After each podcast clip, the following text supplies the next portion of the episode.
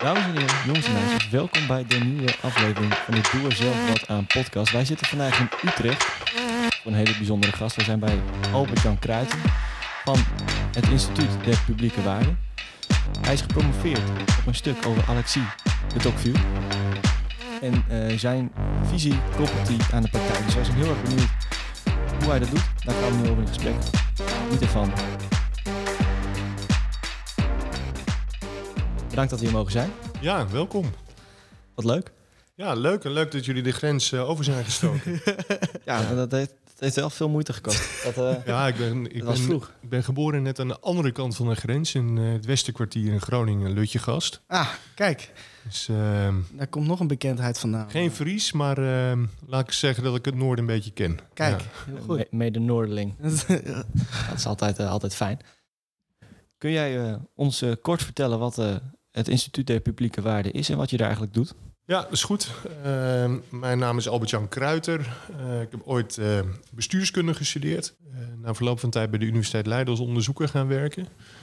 En, en toen deed ik onderzoek naar ehm, wet en regelgeving en waar dat vandaan kwam. En hoe dat ontstond. En dat deed ik door bij huishoudens met heel veel problemen, schulden, jeugdzorg, eh, huisuitzettingen, eh, et cetera, eh, op de bank te gaan zitten. En dan onderzocht ik eigenlijk vanuit het perspectief van zo'n gezin van, joh, waar lopen die nou allemaal tegen, tegenaan? En het eerste huishouden waar ik dat bij deed, daar waren 48 verschillende instellingen bij betrokken. Van UWV tot de sociale dienst, tot jeugdzorg, tot de wijkagent, tot maatschappelijk werk, tot opvoedondersteuning, tot het Ik, consultatie. ik wist niet eens dat er zoveel instituten waren. Joh. Ja, ja, ja, er zijn er veel meer. ja, er zijn er veel meer. En, en toen dacht ik, joh, dit is eigenlijk een veel groter probleem dan alleen die wet en regelgeving. Nou, daar raakte ik eh, in geïnteresseerd. En toen heb ik een, een proefschrift geschreven over bureaucratietheorie. Vanuit het eh, perspectief van een Franse filosoof, Alexis de Tocqueville. En dat was in 2010 af. En toen dacht ik met twee companen, eh, mijn broer Harry en, en Ilke Blokker... We gaan een instituut oprichten en dan gaan we actieonderzoek doen. Dus we gaan enerzijds proberen deze huishoudens uit die bureaucratie te bevrijden. En de andere helft van de week onderzoeken we waarom dat wel of niet lukt. Ehm, en dus omdat we wetenschappelijk vonden dat als je een probleem probeert op te lossen, dat je het beter leert begrijpen dan als je het alleen maar analyseert. Kom je veel meer de praktijk in en dan zie je echt waar de weerstand zit. En we dachten, als het nou lukt, dan moeten we dat ook goed opschrijven en er een methode van maken, zodat andere mensen in het openbaar bestuur het ook kunnen doen. En we dachten toen we begonnen, nou, dat doen we dan twee of drie jaar en dan begrijpt iedereen dat wel. Dan gaan we weer wat anders doen. En, en, en, eh, maar dat is allemaal mislukt. Dus nu zit je hier in ons kantoor in Utrecht. Ehm, en bij het instituut werken inmiddels eh 30 mensen ongeveer. En die allemaal bezig zijn met, ehm, met het verbeteren van eh, de samenleving, van de verzorgingsstaat, van systemen. Hoe gaan jullie dan te werk? Komen probleemgezinnen of hulpverleners naar jullie toe? Het komt, wel eens voor dat een stad als eh, Nijmegen of Leeuwarden of Utrecht of Amsterdam of Rotterdam of Den Haag of Eindhoven of Tilburg, dat die zeggen, nou, kunnen jullie eens met ons meedenken over hoe we dat hele verkokerde en versplinterde veld, hoe we daar beter in kunnen werken. En dan zeggen we, nou, dan pakken we samen met jullie 50 huishoudens op en, en, en dan gaan we samen met jullie kijken of dat sneller en beter kan. En dan leren we jullie tegelijkertijd hoe dat, eh, hoe dat moet. Dus dan werken we in opdracht. Eh, maar soms melden zich hier ook eh, huishoudens die zeggen: We zitten zo vast, kun je ons helpen? En dan eh, zoeken we uit wie we daarvoor nodig hebben. Dan kloppen we, kloppen we zelf aan bij het UWV of de Belastingdienst of, of lokale professionals. Dat kan ook. Ja, precies. En dan een beetje in gevecht gaan met bureaucratie. Zou je het zo? Ja, nou, we, we doen dit nu tien jaar. In het begin waren we echt wel van het vechten. Van oké, dit, dit, dit, we hebben hier eh, die metaforen gebruikten we toen ook. Knokken en invechten. Je moet eh, een paard van Troje en allerlei. eh. Maar inmiddels zijn de tijden wel zo veranderd en wij misschien wat volwassener geworden dat we ook wel zien dat bureaucratie is voor niemand leuk. Dus er staat geen enkele publieke professional of jeugdbeschermer of medewerker van de sociale dienst ochtends op en denkt ik zal die gezinnen eens even lekker dwars zitten. Ehm, die systemen zijn gewoon groter geworden en minder controleerbaar voor, voor de meeste mensen. Dus nu trekken we vaak samen met die, eh, met die partijen op. Maar soms noemen we het nog wel eens, eh, wij vinden het eigenlijk het leukste als we bureaucratie met bureaucratie kunnen bestrijden. dus als wij zeg maar in de jeugdwet een protocol vinden... wat haak staat op een protocol in de participatiewet... waardoor we zeggen, ja, nu kunnen we wel een extra inkomen verstrekken... want anders worden die kinderen uit huis geplaatst... en dat mag niet vanuit de jeugdwet bijvoorbeeld. Dus we zitten wel... ehm, we Je ha- zit eigenlijk eh, de wet tegen elkaar op aan het spelen.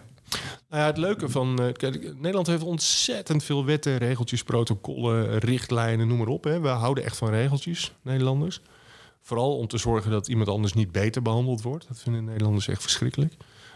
Ehm, en en het, het voordeel van tegenstrijdige regels is... ehm, dat er altijd wel een regel is die in je voordeel uitpakt.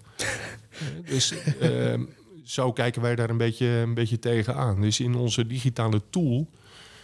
Eh, kun je op trefwoord zoeken wat je nodig hebt. En dan geeft die tool aan wat er vanuit het hele wettenpakket in jouw voordeel eh, uitpakt. Dat is eigenlijk een heel slim, eh, slim instrument. Maar wat de meeste systemen doen, die redeneren vanuit één wet. Jij werkt bij de afdeling WMO. Of bij de afdeling werk en inkomen die draait op de participatiewet. Of bij de afdeling jeugd.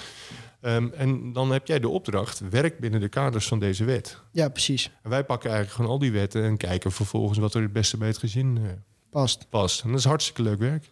Je hebt het over gezinnen eh, die je dan helpt, of in ieder geval individuen die je dan eh, helpt.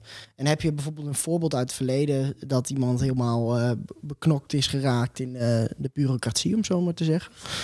Ja, ik, ik zat er gisteren nog aan. eh, ik ben een artikel aan het schrijven over eh, hoe die doorbraakmethode, want die is in een jaar of tien is die ontwikkeld. Dan moest ik nog denken aan een, eh, een dame die wij in, in de grote stad in, in Amsterdam hadden geholpen. Die, die was slachtoffer van huiselijk geweld, twee jonge kindjes. En die was eindelijk zo dapper en, en, en werd overtuigd door hulpverleners om daar aangifte van te doen. Anders kan de politie weinig en kun je het Mhm. eigenlijk niet, eh, niet oppakken. En toen zij die aangifte had gedaan, vertrok die man. Die vertrok gewoon. Die was voetzie, die kwam ook niet meer terug. Eh, maar hij had een baan. En omdat hij al een baan had, had zij geen inkomen, geen uitkering. Eh, en kost dan heel veel moeite om dat aan te vragen, want ze zijn officieel nog niet gescheiden. En bewijs maar dat hij weg is. En hoe zit dat dan? Dus je krijgt niet zomaar een inkomen. Maar ze moesten nog wel huur betalen. Ehm, en dat lukte niet. En daardoor kreeg ze een huurschuld. En dan komt er een vonnis uit huiszetting. Dan zegt de corporatie, nou, ik kan niet meer betalen. Nou, dan komt zo'n wijkteam in, in, in het geding. En ehm, de oplossing was dat zij ehm, eh, drie maanden in de vrouwenopvang zou gaan zitten. Dat kost 100 euro per dag. Ehm, dus dan ben je al eh pakken beet 9, 10.000 euro verder. En die kinderen, die, daar was geen plek meer voor daar. Dus die zouden naar de crisispleegzorg gaan. En dat is 13.000 euro per kind.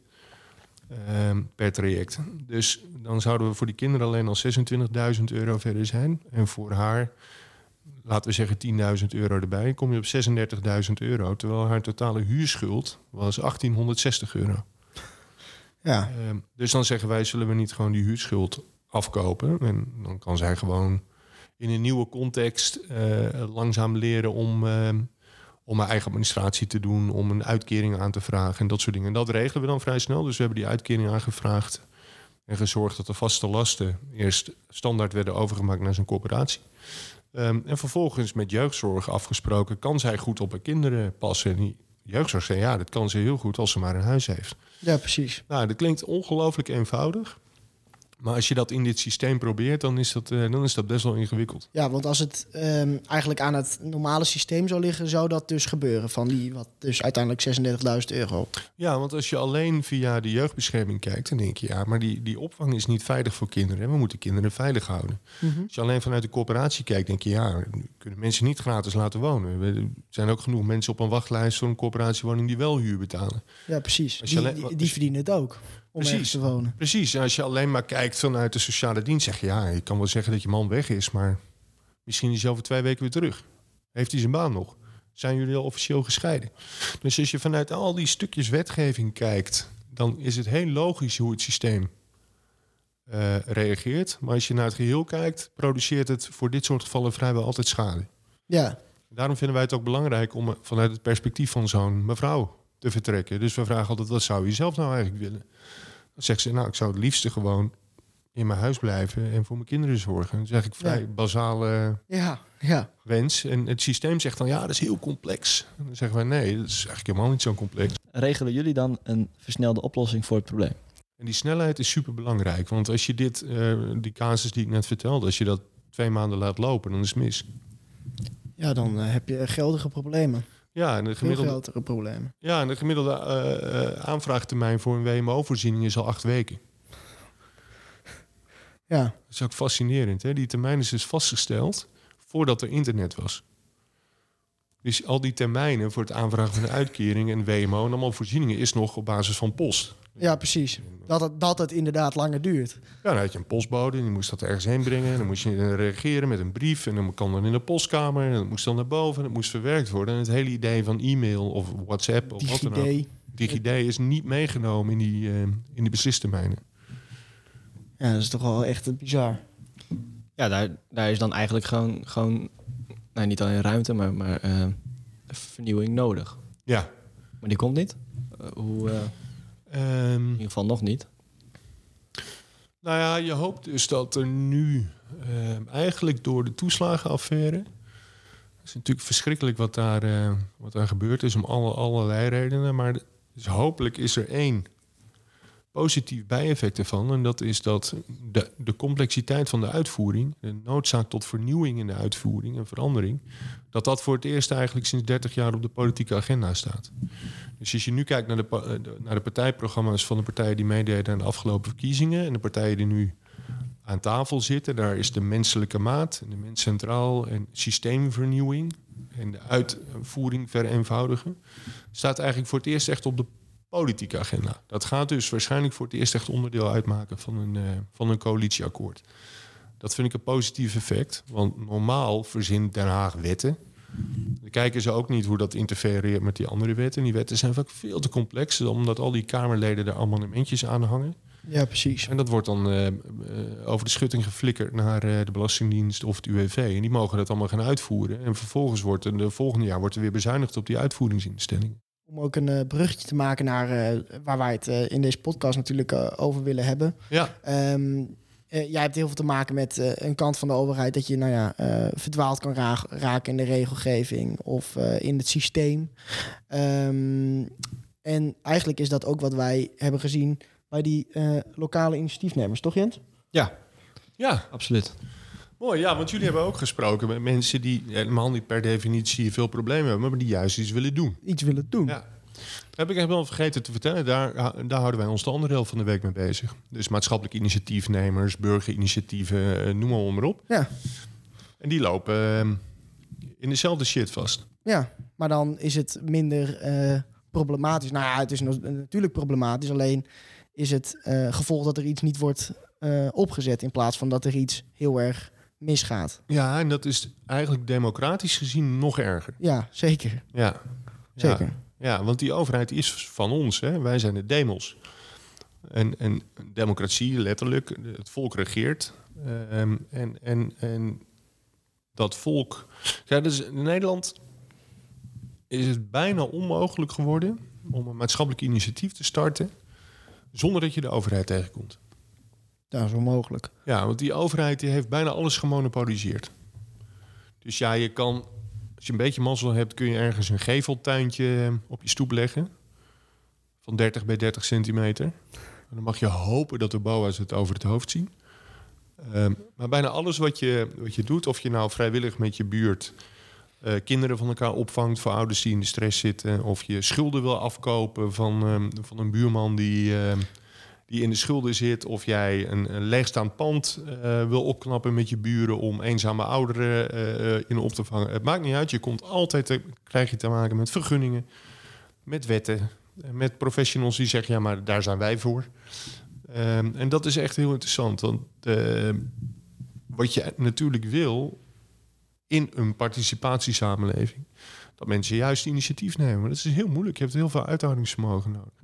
Eh, Hendrik eh, en ik hebben Tien Skip opgericht. En wij haalden, in, vooral in het begin hadden wij de metafoor aan... dat wij eh, vroeger graag in het dorp waar ik ben opgegroeid... Mantgem een voetbalveld wilden. Ja. Was er namelijk niet. En een gigantisch sportveld. En nou ja, de brief naar de gemeente gestuurd. We willen zelf die palen wel betalen. Dat is geen probleem. Dat kunnen we in het dorp wel regelen. We hebben ook wel mensen die dat met een bouwbedrijf... die dat vakkundig erin kunnen zetten. Ja, Eh, en eh, nou ja, het, het gemeente stuurt je naar het dorpsbelang. Dorpsbelang stuurt je weer naar het gemeente. Weg motivatie. nou ja, dat is wel iets, eh, dat is wel eh, eh, problematisch. Ja, dat is heel problematisch. En, die, en, die, en dat bedoel ik ook. Dus ieder, iedere vierkante meter is al gemonopoliseerd Mhm. in Nederland, is al bestemd. Ehm, en, en dan heb je het alleen nog maar over hoe gaan wij om met de ruimte. Maar als je wat dieper kijkt, wat interessant is, op het moment dat jij een voetbalveldje eh, eh, wil maken, dan, eh, dan begint het gelijk van ja, maar wacht even, wie zet die goal dan precies neer? En wat als die paal omvalt? En wat als je op jou valt en je, in je nek breekt? Wie is er dan aansprakelijk? Ehm, want dat is de andere kant weer van ons als burgers. Als er een paal op je nek valt en je breekt je nek, dan staan we weer. eh, ja, wie, dan wordt er een onderzoek ingesteld. En wie heeft er een vergunning afgegeven? En Ja, dan is de gemeente weer verantwoordelijk. ja, dus dat, dat verantwoordelijkheidsgesprek ligt heel diep onder dit vraagstuk over maatschappelijke initiatieven. We hebben, we hebben een boek geschreven, dat zal ik in, eh, in het prijzenpakket eh, stoppen. Hoe waardeer je maatschappelijk initiatief, heet dat. We hebben acht van dit soort initiatieven twee jaar lang gevolgd. En eentje deed het nog. Na twee jaar. En de rest was allemaal in limbo. Gewoon in instellingen en aan het zoeken naar vergunningen. En, en terwijl het eh, hele toffe dingen waren. Vaak ook heel innovatief. Dus ik, heb, ik vraag me heel lang af, hoe kan het nou dat we nu... Want eh, ook toen ik op school zat, dan leerde je echt... een soort heiligverklaring aan het middenveld hè, en aan de zuilen. En, eh, Nederland drijft op eh, de civil society. Mhm. Nou ja, die, ik denk wel eens, ja, dat, dat was zo. Hè? Dus de Nederlandse burger heeft heel lang niet te maken gehad met de Nederlandse staat. Want er zat een middenveld tussen. En in dat middenveld organiseerden wij dingen. Dus we hadden katholieke ziekenhuizen en, en, en vrijzinnige scholen. En daar zaten al, er zat een waardegemeenschap achter. Er zat een community tussen. En die community die functioneerde eigenlijk als een buffer... tussen enerzijds de staat en de anderzijds het individu. Dat is best uniek aan, aan Nederland. In andere landen, Frankrijk, was dat bijvoorbeeld niet zo. Dan had je altijd de staat en het individu en er zat niks tussen. Maar door die ontzuiling en, en, en, en enerzijds, dus wij zitten niet meer in zuilen. Eh, en anderzijds door de verstatelijking van het middenveld. Dus dat middenveld wordt niet meer gefinancierd door burgers, maar krijgt subsidies van overheden. Dus die, dat middenveld is eigenlijk onderdeel van die overheid geworden komen voor het eerst de afgelopen 10, 20 jaar in Nederland in de situatie dat het individu tegenover de staat staat. En dan moeten we mee leren, mee leren omgaan. Want die staat zegt de tegen die individuen... Hey, gaan jullie eens even wat meer samenredzaam, participatief burgerschap tonen? En die burger zegt tegen die overheid... ja, gaan jullie anders eerst eens even wat problemen oplossen? En daar zat vroeger iets tussen. Ehm, eh, vakbonden, scholen, politieke partijen... We hebben nog, wat wat hebben we totaal in Nederland? 100.000 leden. Eh, op 17 miljoen eh, inwoners. Weet je? Wat, Ja. en, en, dus die bufferfunctie is weg. En dan, dan zie je dus dat die individu wantrouwt die overheid... en die overheid wantrouwt die individu. En dat we zoveel regeltjes hebben... en, en dat komt dus ook omdat we dat blijkbaar eh, prettig vinden. Maar is dat dan niet een soort wisselwerking? Ook, ook met, misschien met, met vertrouwen in democratie en Elkaar. afhankelijkheid. Elkaar, Ja, zeker. Waardoor het telkens versterkt wordt. Ja, de- dus die, die filosofische held van mij, die Tocqueville, die zei dus... Moet ik even goed kijken of ik me dat... Die zei... eh, de mate van... De mate waarin bureaucratie centralistisch en hiërarchisch is... is evenredig afhankelijk van de mensen... de mate waarin mensen hun buurman vertrouwen. Dus als wij elkaar minder vertrouwen ontstaat er een centralistischer en machtiger overheid. Want die moet dan tussen ons in gaan staan. Dus mensen in Nederland die overlast hebben van hun buren, die bellen eerst de politie. Ja, dan, Die, gaan niet, die gaan niet in gesprek met de buurman. die gaan niet in gesprek met de buurman. Dus ja, dan, en, en dan vervolgens zegt ze, ja, ze reageren niet. Hè, want ze nemen de telefoon niet op en ze dit en dat en zo. zo. Er zijn ook landen waar dat je dat gewoon, de politie, dat lossen we gewoon onderling op. Nederlanders niet. Hè, die, die, die doen een beroep op het gezag als ze mot hebben met hun medeburgers. Nou, dat is dus interessant, want vroeger, zeggen we in Den Haag, eh, zaten daar dus zuilen tussen. Dus dan los je dat op in je gemeenschap. Maar dat is weggevallen. en Dan hou je allemaal autonome individuutjes over. Die eigenlijk zich niet meer met elkaar verbonden weten, in veel gevallen. En dus van die overheid afhankelijk wo- worden voor de vormgeving van hun onderlinge solidariteit. Nou, dat is dus dat op een gegeven moment gaat dat kraken. Of die Tocqueville die voorspelde dus op een gegeven moment wordt die overheid topzwaar. Uh, heeft misschien nog wel goede bedoelingen, maar kan zijn uitvoering niet meer controleren. En ontstaat er mild despotisme, noemde hij dat. Dus dat is niet hetzelfde despotisme als uh, in de middeleeuwen. Hè, dat je gewoon een tiran had die in de gevangenis kon knikkeren. Dan heb je een bureaucratie die willekeurige effecten produceert die niet meer te controleren zijn. En op dat moment um, kan het, de individu niet anders dan naar die overheid kijken, los jullie het alsjeblieft op. En die, en die overheid naar die burger, willen jullie alsjeblieft weer zelf iets gaan doen. En dan houdt democratie dus op te bestaan. En dan zegt hij, dan heb je een vorm van despotisme, alleen die is zacht, omdat die voortkomt uit goede bedoelingen. En dat mensen ook graag willen dat die overheid het, het, uh, het oplost. Dus zo'n systeem implodeert op een gegeven moment gewoon als wij steeds individualistischer worden. En de overheid steeds bureaucratischer dat uh, mild despotisme, wat, uh, wat je net beschreef, dat is uh, onderdeel van de visie en het gedachtegoed van Alexis de Tocqueville. Zou je kunnen uitleggen wie dat is en wat hij eigenlijk zei? Nou, hij wilde graag weten wat democratie was. En dat was in Amerika. Dus hij dacht, ik ga daar gewoon naartoe en dan ga ik eens kijken wat het dan precies inhoudt. En wat interessant was, hij, ehm, hij zei dus... als je het over democratie hebt, dan moet je twee dingen onderscheiden. De democratische overheid dus uh, grondwet, checks en balances, trias politica, uh, de meerderheidsregel, parlement, uh, noem maar op. En een democratische samenleving. Want het gaat vooral over burgerschap, mores, hoe gaan we met elkaar om, welbegrepen eigenbelang, dat type zaken. En hij voorspelde dus dat die democratische samenleving steeds individualistischer zou worden. En die democratische overheid steeds bureaucratischer. Sterker nog, hij zei: individualisme is een inherent kenmerk van de democratische samenleving. En uh, bureaucratie is een inherent kenmerk van de democratische overheid. Uh, en dat is interessant. Dus hij, zei: ik, ik, voorspel dat wij nergens zoveel bureaucratie gaan aantreffen als bij democratische overheden. En ik, voorspel dat wij nergens zoveel individualisme gaan tegenkomen als een democratische samenleving. En die twee versterken elkaar. Want naarmate wij meer individualistisch worden, zou die overheid zich gedwongen voelen om publieke problemen op te lossen. In plaats van dat wij dat als burgers onderling doen. Um, en omdat die overheid dat doet, kunnen wij ons steeds individualistischer opstellen. Nou ken ik uh, het werk van uh, Tocqueville ook wel een beetje. Uh, en die heeft hier het vaak dan over het welbegrepen eigenbelang om dit te voorkomen. wat is dan precies zo'n welbegrepen eigenbelang en hoe komt dat eigenlijk tot stand? Mensen die samen publieke problemen oplossen. Dus wij gaan met z'n drieën, richten we een een schooltje op omdat we het onderwijs niet goed vinden. Ja. Zonder overheid. Dat is de kern van democratie. Gezamenlijke problemen gezamenlijk oplossen. Ja. Um, en waarom is dat de kern van democratie? Omdat wij niet als mens met een democratisch gen geboren zijn.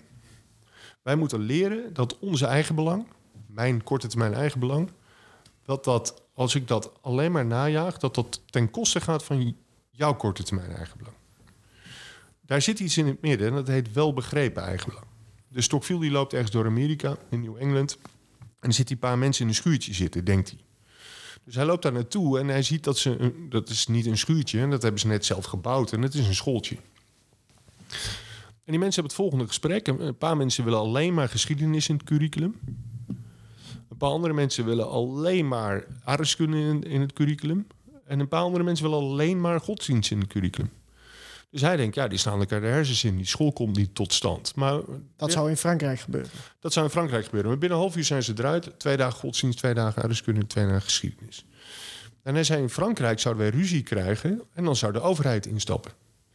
Maar in Amerika is die overheid nog niet op dat moment. Dus zij moeten wel concessies doen aan hun eigen belang om het maatschappelijke belang, de school, tot stand te laten komen. Dat is altijd een trade-off. En dat noemt hij, die, die, uh, die term noemt hij welbegrepen eigenbelang. Dus ik begrijp dat als ik mijn eigen belang najaag, dat dat ten koste gaat van mijn eigen belang, omdat een school, een brandweer, kazerne, de politie, uh, het onderhoud van wegen, dat het niet tot stand komt. Hij zegt dat is inherent democratisch en dat leren wij burgers door gezamenlijk initiatief te nemen. Daar ontdek je altijd dat, dat jij een belang hebt en dat je concessies doen moet aan dat belang om het algemeen belang tot stand te doen komen. Op het moment dat de overheid die publieke sector monopoliseert, waardoor wij als burgers dat onderling niet meer doen, zullen wij dus niet meer dat welbegrepen eigenbelang ontwikkelen en dus inherent minder democratisch worden en dus ook minder draagvlak hebben voor democratische beslissingen die bijvoorbeeld het parlement neemt. Dus dat welbegrepen eigenbelang zit in de kern van zijn democratiebegrip en dat is een cultuurvariabele. Dat, ligt, dat zit bij ons mensen en hoe wij met elkaar omgaan. Daar ontstaat dat welbegrepen eigenbelang. En, en mijn these is dus dat de bureaucratische ervaring, de regels, de protocollen, de richtlijnen waar we het net over hadden, dat dat, dat welbegrepen eigenbelang uitholt. Een, een, een idee dat een school eigenlijk gewoon eigendom is van de ouders en de leerlingen die daar, dat dat een vereniging is. Uh, waar mensen ook eigenaarschap moeten tonen, dat, dat is, is, eigenlijk een soort van verdwenen. En die staat kan dat dus nooit, kan daar nooit een surrogaat, een goed surrogaat voor zijn. Dat kan niet. Die kan daar niet instappen. We hebben het natuurlijk nu de hele tijd uh, over Amerika. Maar uh, zijn er bijvoorbeeld ook voorbeelden te noemen in uh, Nederland waar je dat welbegrepen eigenbelang ook goed terugziet? Onze waterschap is een prachtig, prachtig voorbeeld van. De terpen in Friesland, de dijken in de rest van Nederland, dat waren maatschappelijke initiatieven. Namelijk, oké, we moeten hier een hele hoge berg bouwen, anders verzuipen we. Ik kan het in mijn eentje niet doen.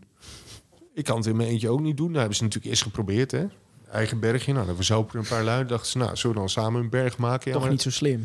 Maar dat doet die buurman niet mee. Nee, mag hij dan wel op de berg als het water komt? Ja, dat is wel ingewikkeld. Ja, maar hij kan eigenlijk niet zo goed. Ja, hij graaft ook niet echt. Nou, weet je, een beetje solidariteit. Zo, dus de waterschappen in Nederland zijn de eerste democratische organen in uh, moderne Europa.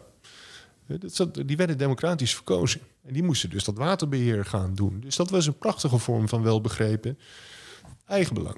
Dus en ik denk, we zijn nog nooit zo hoog opgeleid geweest. We zijn nog nooit zo rijk geweest. Um, we gaan eigenlijk hartstikke goed als land. Dus ik zou niet weten waarom we al die maatschappelijke energie niet weer kunnen entameren. En waarom we nu slechtere burgers in potentie zouden zijn dan 100 of 200 jaar geleden. Moet je mensen die ervaringen aanbieden om uh, dat welbegrepen eigenbelang uh, te leren kennen? En um, is dat eigenlijk ook niet wat wij proberen met uh, Teamskip? Tocqueville zou dus over, die, over wat jullie doen zeggen... ja, dat is dus... jullie creëren een democratische ervaring... Ja. waar mensen ervaren wat welbegrepen eigenbelang is. Ja. En dat is de kern van democratie. Dus het is niet een, leuk initiatiefje... of wat er in de gemeenteraad gebeurt is de kern van democratie. Dat is allemaal afgeleid. Dit is de kern van democratie. Als mensen dat welbegrepen belang, eigenbelang niet ontwikkelen... Ja. zou er ook veel minder draagvlak zijn... voor democratische instituties. Voor die formele kant, de gemeenteraad. en- Ja, ja, exact. En hoe denk je dat, nou ja, hè, we hebben het dan over burgerparticipatie. En ehm, naar mijn inziens heeft eh, de Tocqueville daar vooral op lokale schaal wel een heel, eh, heel eh, ehm, ja, beeld van. Klopt dat? Of met een democratische ervaring. En ehm, zou je daar eens iets over kunnen vertellen? Ja, nou, ik denk dat hij sowieso de term burgerparticipatie heel raar zou vinden. Ja, Hij zegt, ja, dat kan alleen maar door overheden verzonnen zijn, zo'n term. En als die overheden de voorwaarden gaan definiëren op basis waarvan die burgers mogen participeren, dan heb je sowieso al geen democratie meer. Want dan is het de overheid regeert in plaats van het volk regeert. ja, Dus dan zegt de overheid, nou, we hebben, even wachten, hè, ons systeem is nu af en nu mogen jullie participeren. Nee, het is op hun voorwaarden, zeg maar. Precies. Ja. Dus in een democratie was het juist andersom. Van, nee, wij als burgers vinden dat jullie als overheid in onze samenleving mogen participeren. Ja, precies. Ja, en ik denk ook wel dat wat wij met Teamskip proberen is juist ook, ehm, nou ja, eh, jongeren. Kijk, het gaat heel veel over burgerschapsonderwijs. Eh, ik denk dat Ja. dat dan ook een term Ja. is waar Tocqueville eh, het niet helemaal mee eens zou zijn. Maar hij zou dus zeggen, ja, dat is, dat, ja, dat is nog wel leuk. Hij zou dus, eh, zijn mentor overigens, Guizot, Mhm. minister van Onderwijs in, eerste minister van Onderwijs van Frankrijk. Die, die was juist heel erg van die centralisatie. Dus die Ja. schijnt ooit gezegd te hebben van... het is nu 12 uur in de middag. Ieder kind in Frankrijk componeert nu een Latijns vers. Want die had helemaal gewoon top-down... had hij al die curricula van die scholen eh, bedacht. Ja, dan kun je in Nederland kun je dat nog... want die scholen zijn natuurlijk veel vrijer in, in Nederland. Nou, wat Tocqueville dus zou zeggen... ehm, ehm, eh, burgerschapsonderwijs, dat moet je dus niet in een klas cognitief overdragen. Dus je moet niet gaan uitleggen wat democratie is. Laat een, een groep kinderen van een basisschool in uh, Leeuwarden uh, maar bepalen wie de tien rollators in uh, achter de hoven krijgt. Laat ze maar in gesprek gaan. Laat hun het collectieve goed maar verdelen. Dan leer je wat democratie is. Ja, exact. Exact. Dus je moet die democratische ervaring creëren ja. in burgerschapsonderwijs. En niet alleen maar vertellen hoe belangrijk democratie is. Dat moeten mensen ervaren. Dus Ja. laat eh, eh, jongeren eh, in een klas zelf maar eens eh, voor vijf uur per week hun eigen curriculum vormgeven en kijken of ze eruit komen. Dat is een democratische ervaring. Tocqueville zei als je naar de, kwali als je naar naar de kwaliteit van democratie, als je dat wil beoordelen Mhm. eh, per land, dan, moet je, dan is er een top drie van verklaringen. Op drie staat de fysieke omstandigheden van een land.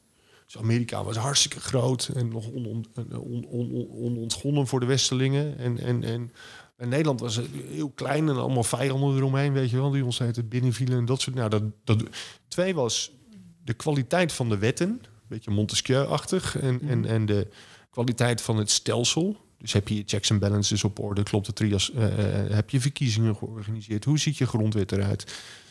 Dat is verklaring nummer twee. Dat is eigenlijk die formele kant. Stemmen. Ja, de instituten, ja. en op nummer één, eh, de kwaliteit van de democratische mores, de democratische cultuur.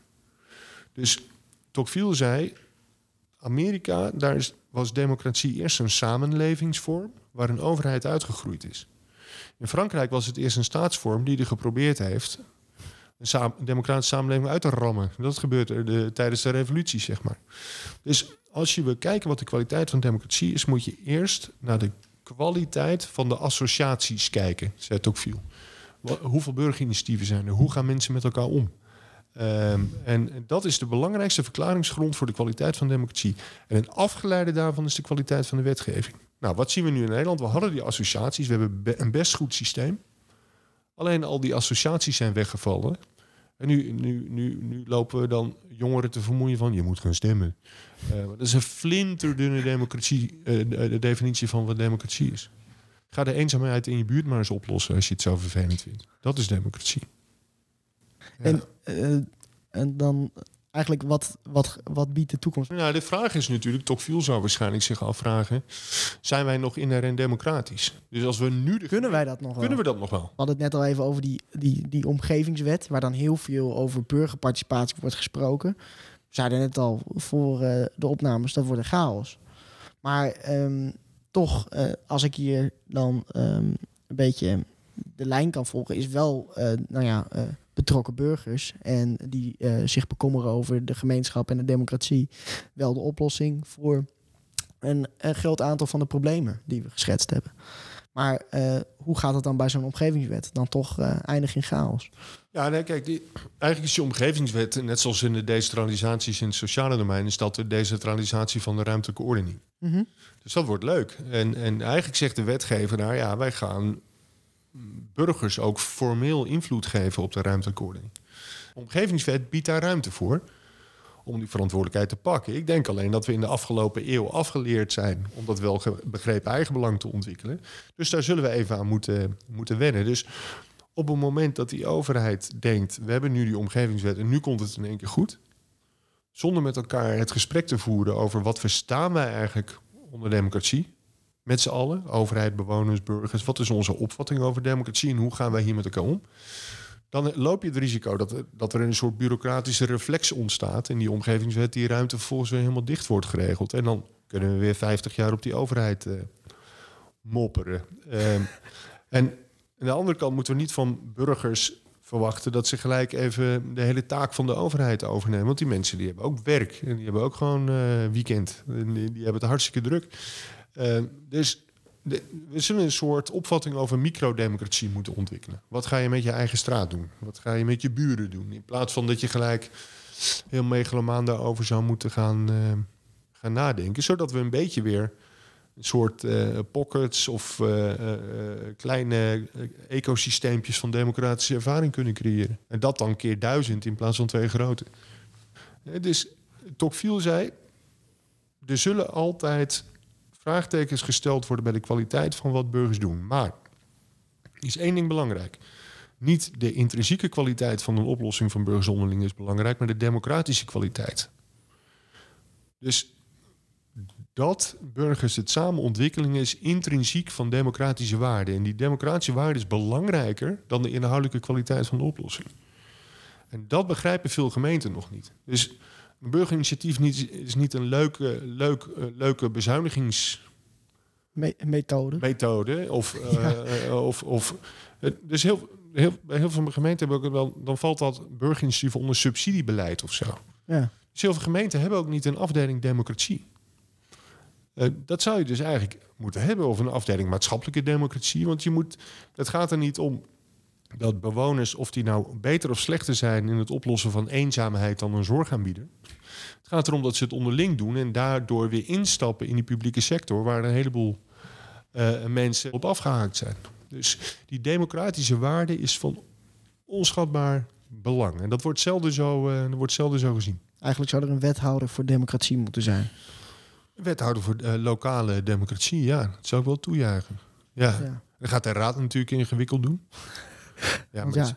Zijn, wij zijn toch het hart van de democratie. en, dat soort, ja, dat is nog een heel ander gesprek. Ja. Goed. Uh, goed, Jens, zullen wij uh, naar uh, de prijsvraag? Ik denk dat wij de jingle erin moeten gooien. Ja, wij hebben een jingle. Ja. Ja, kijk. Ja. Luister vooral. Ja. Dat is fantastisch. Bij ons in de podcast word je elke maand verrast. Met de vraag van onze gast win jij een 10 skiptas. Hey, Zo is het. hey, bij ons. Zo, we gaan niet verder. Heel veel tijd en moeite ingestoken. Dit, Sluit hem maar. Zangles voorgenomen. Wie heeft van jullie die accordeon ingespeeld? dit is gewoon uh, bij ons Johnny in de Jordaan. Jordaan. Ah. Uh, dit uh, hebben wij gewoon gestolen. Oh, oh, oh, oh, oh. ja. We hebben nog geen claims. Ik, ik, had het mijn vader kunnen laten doen. Nou, Copyright infringement. ja. ja, ja, ja. wat is de vraag, jongens? Oh, ik werd wel een leuke vraag dan. Oh. Wie, wie, ehm, wie, was de overgrootvader van Alessis de Tocqueville? Um, en, en, en, welke zeer belangrijke functie had hij? Kijk. Kijk, bam. Dat is leuk. Mijn, dat is... Uh, aspirant historicus hart gaat uh, sneller kloppen. ja, nou ja, dat is wel goed. Uh, die is toch ook onthoofd in de, de Franse revolutie, een familielid van hem toch, of niet? Zeker. Uh, de, deze, deze man waar we het over hebben, ik zal niet zeggen wie het is. die is... dat was nog een tamelijk heroïsch figuur. Die is onthoofd in de Franse revolutie. samen met al zijn nog levende familie. behalve zijn kleindochter. Die hadden ze over het hoofd gezien. En dat was de moeder van Tocqueville. En, die, en daar kwamen ze achter. En die zouden ze toen alsnog onthoofden, samen met de vader van Tocqueville. Uh, toen was Tocqueville nog niet geboren, overigens. En precies op die dag dat het zou gebeuren, werd Robespierre zelf uh, gearresteerd. Guillotine, ja. En die, uh, die is ook uitgevonden om zo efficiënt en zo snel mogelijk zoveel mogelijk mensen te onthoofden. en, en de Fransen noemden hem le résort national, dus het nationale scheerapparaat. En uh, nou ja, zorg dat je er uh, nooit onder komt, zou ik willen zeggen. Nee, dat is advies van de dag. ja, meestal vragen we nog een advies naar. Ja, bij deze. Ja, advies voor lokale helden. Super. Mooie afsluiting. Dankjewel. Dankjewel voor jullie komst. Ja, jij ook heel erg bedankt. Ik wil nog even afsluiten met uh, een oproep. Om ons te volgen op onze socials. Facebook, Instagram, Twitter kan zelfs. Dat kan gewoon nog. Hartstikke leuk. De afgelopen tien dagen hebben wij op die socials een hele vette reeks gehad. Tien dagen achter elkaar aan primeurtjes, updates, leuke dingen. Die kan je allemaal terugkijken.